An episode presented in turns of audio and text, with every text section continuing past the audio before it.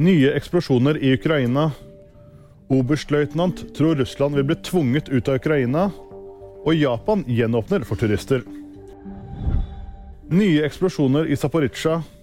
Byens ordfører forteller at det skal ha vært omtrent 15 eksplosjoner i dag morges. Han hevder missilene kom fra russisk-okkuperte områder sørvest i Ukraina. Det skal være dødsfall som følge av eksplosjonene. Ukrainske medier melder også at det skal ha vært eksplosjoner i andre deler av landet.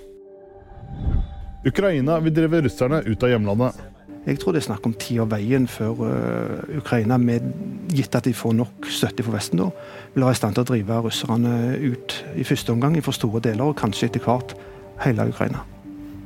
Det sier en oberstløytnant ved krigsskolen. Krigen har snart pågått i åtte måneder. Japan åpner for turister igjen.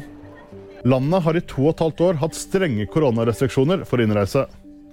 Fra og med i dag kan mange igjen reise til Japan uten visum.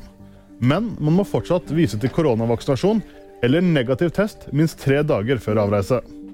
VG nyheter fikk du av meg, Thomas Blendal.